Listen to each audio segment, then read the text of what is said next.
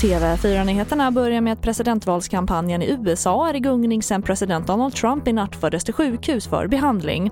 Han och flera personer i hans närmaste krets har ju testats positiva för covid-19. Och med bara en månad kvar till presidentvalet är det oklart hur mycket konsekvenser detta får. Vi hör Thomas Kvarnkullen på plats i USA. Eh, det vi vet det är att eh, Donald Trumps kommande kampanjframträdanden har ställts in men ett av de stora frågetecknen nu det är om de två presidentvalsdebatter eh, som återstår om de kommer att kunna genomföras eller inte.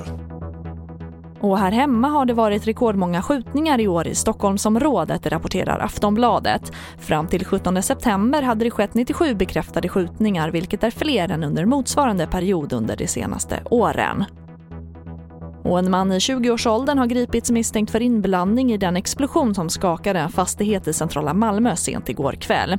Polisen är i nuläget förtegen kring detaljerna om misstankarna. Ingen person skadades vid explosionen.